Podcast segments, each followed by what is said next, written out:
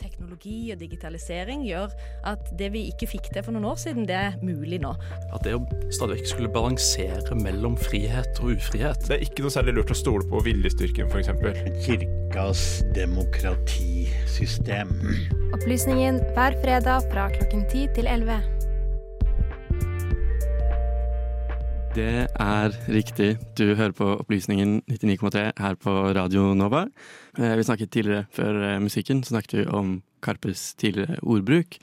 Eh, og vi har forhåpentligvis fått med oss Anine Kierulf, som er førsteamanuensis ved Institutt for offentlig rett på UiO, og forfatter av bl.a. boken Hva er ytringsfrihet? Velkommen, Anine. Kan du høre oss? Ja da, takk for det. Så flott, så fint. Vi har forberedt et par eh, spørsmål til deg. Jeg håper du er eh, OK med det? Det går fint. Jeg skal prøve å svare så godt jeg kan. Supert. Emma, kan ikke du eh, starte oss i gang? Ja. Eh, Anine, tenker du at kritikken som Karpe får her, er berettiga med tanke på ytringsfrihet og kreativ frihet? Ja, all, all bruk av ytringsfrihet også til å kritisere andres ytringsfrihet andres bruk av sine egne ytringer, det er jo helt på sin plass. Det er jo akkurat sånn som ytringsfriheten er ment å virke. Så når man reagerer på noe, så kan man si fra om det. Eh, men man har jo ikke noe krav på at andre gjør det man selv mener er riktig av den grunn. Sånn at uh, man kan si at man syns dette var dumt, og man kan si at man mener at sangene burde vært endret. men så er det opp til Karpe å avgjøre om de har lyst til å endre sangene, eller la dem stå som en Eh, illustrasjon på hvordan språkbruken var i rappmusikken på den tiden de sangene ble skrevet. Um, hva mener du? Burde Karpe si seg enig med leder av Skeiv Ungdom og forandre teksten sin? Nei, Det må Karpe ta stilling til selv, tenker jeg. Eh, helt generelt så er det noen nedsider med å endre gamle sang eller sanger eller kunstverk eller fremstillinger eller andre ting som ble til i en annen tid. Fordi det som eh, nå fremstår støtende, eh, det eh, trenger ikke verken å ha vært ment støtende på den tiden, eller egentlig å ha vært støtende på samme måte på den tiden fordi man tenkte annerledes. Eh, sånn at eh, hvis man hele tiden endrer det som med nåtidens blikk eh, fremstår feil, så får, er det veldig vanskelig å orientere seg i hvordan ting var før, rett og slett. Så det er jo passasjer i Bibelen og Koranen og Eh, masse gamle kunstverk og historiefremstillinger og litteratur som, som, i dag vil være veldig støtende for mange marginaliserte grupper. Eh, det tenker jeg kanskje er bedre å bruke som grunnlag for en diskusjon om hvordan verden har utviklet seg, og språkbruk og sensitivitet overfor ulike typer ord utvikler seg. Eh, og den diskusjonen blir veldig vanskelig å få til hvis man tar bort de historiske hva skal vi si, minnesmerkene og hvordan ting var før. Hmm. Michael Jackson, Taylor Swift og Black Eyed Peas er jo noen av artistene som har trukket tilbake sanger for så å eh, publisere på nytt med ny ordbruk. Eh, Beyoncé og Lizzo eh, gjorde jo òg det her senest i år.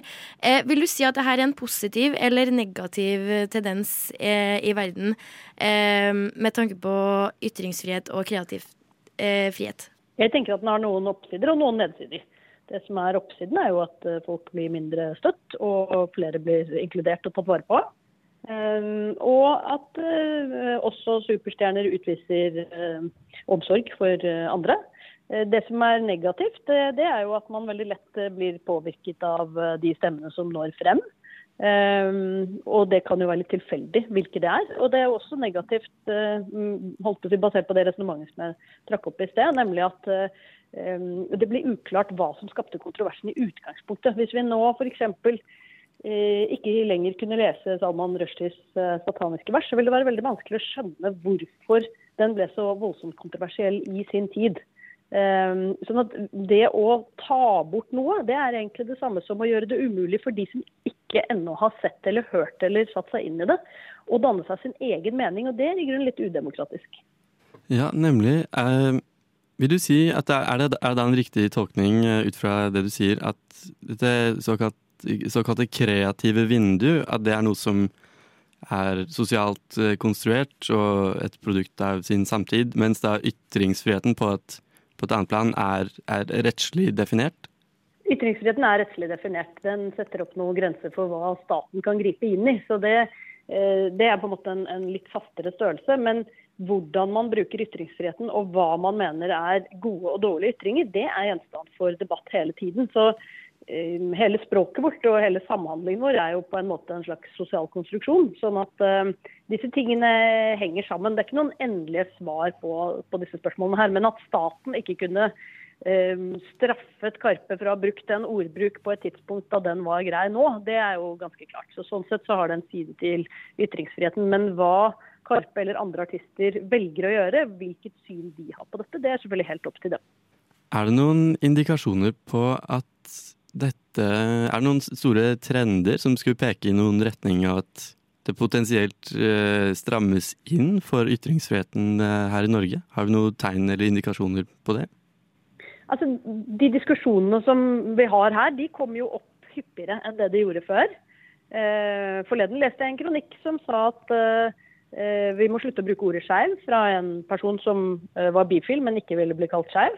Sånn at diskusjon om hvordan ord brukes og hva folk syns er akseptabelt, det tror jeg eh, alltid for så vidt har eksistert. Men det når mye lenger ut nå. Og det treffer også andre enn de som eh, er i liksom, den umiddelbare nærhet. Sånn at eh, fordi vi er ganske ulike og forholder oss til litt ulike sjangre og litt ulik slang og litt ulike ting, så er det noen ting som er akseptabelt ett sted, men som ikke er akseptabelt et annet sted. Og når verden blir global, sånn som den gjør eh, gjennom sosiale medier og internett, eh, så risikerer man veldig fort at det som er helt greit der hvor man vanligvis snakker, det vil vekke noen andre følelser andre steder. Så Derfor kommer disse debattene opp.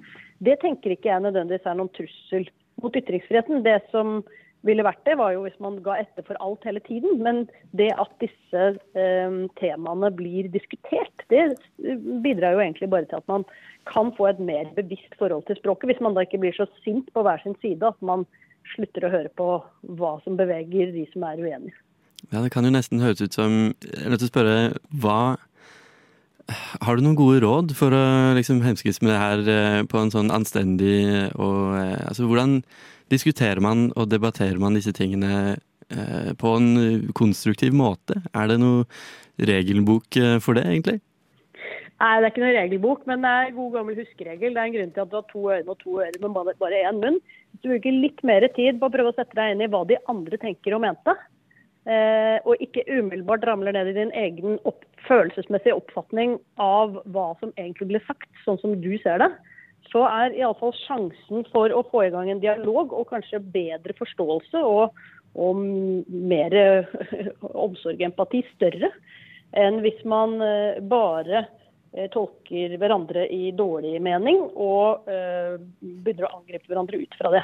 Da er iallfall sjansen større for at det blir mer polarisering, mindre forståelse og egentlig mindre bevegelse og hardere ordskifte.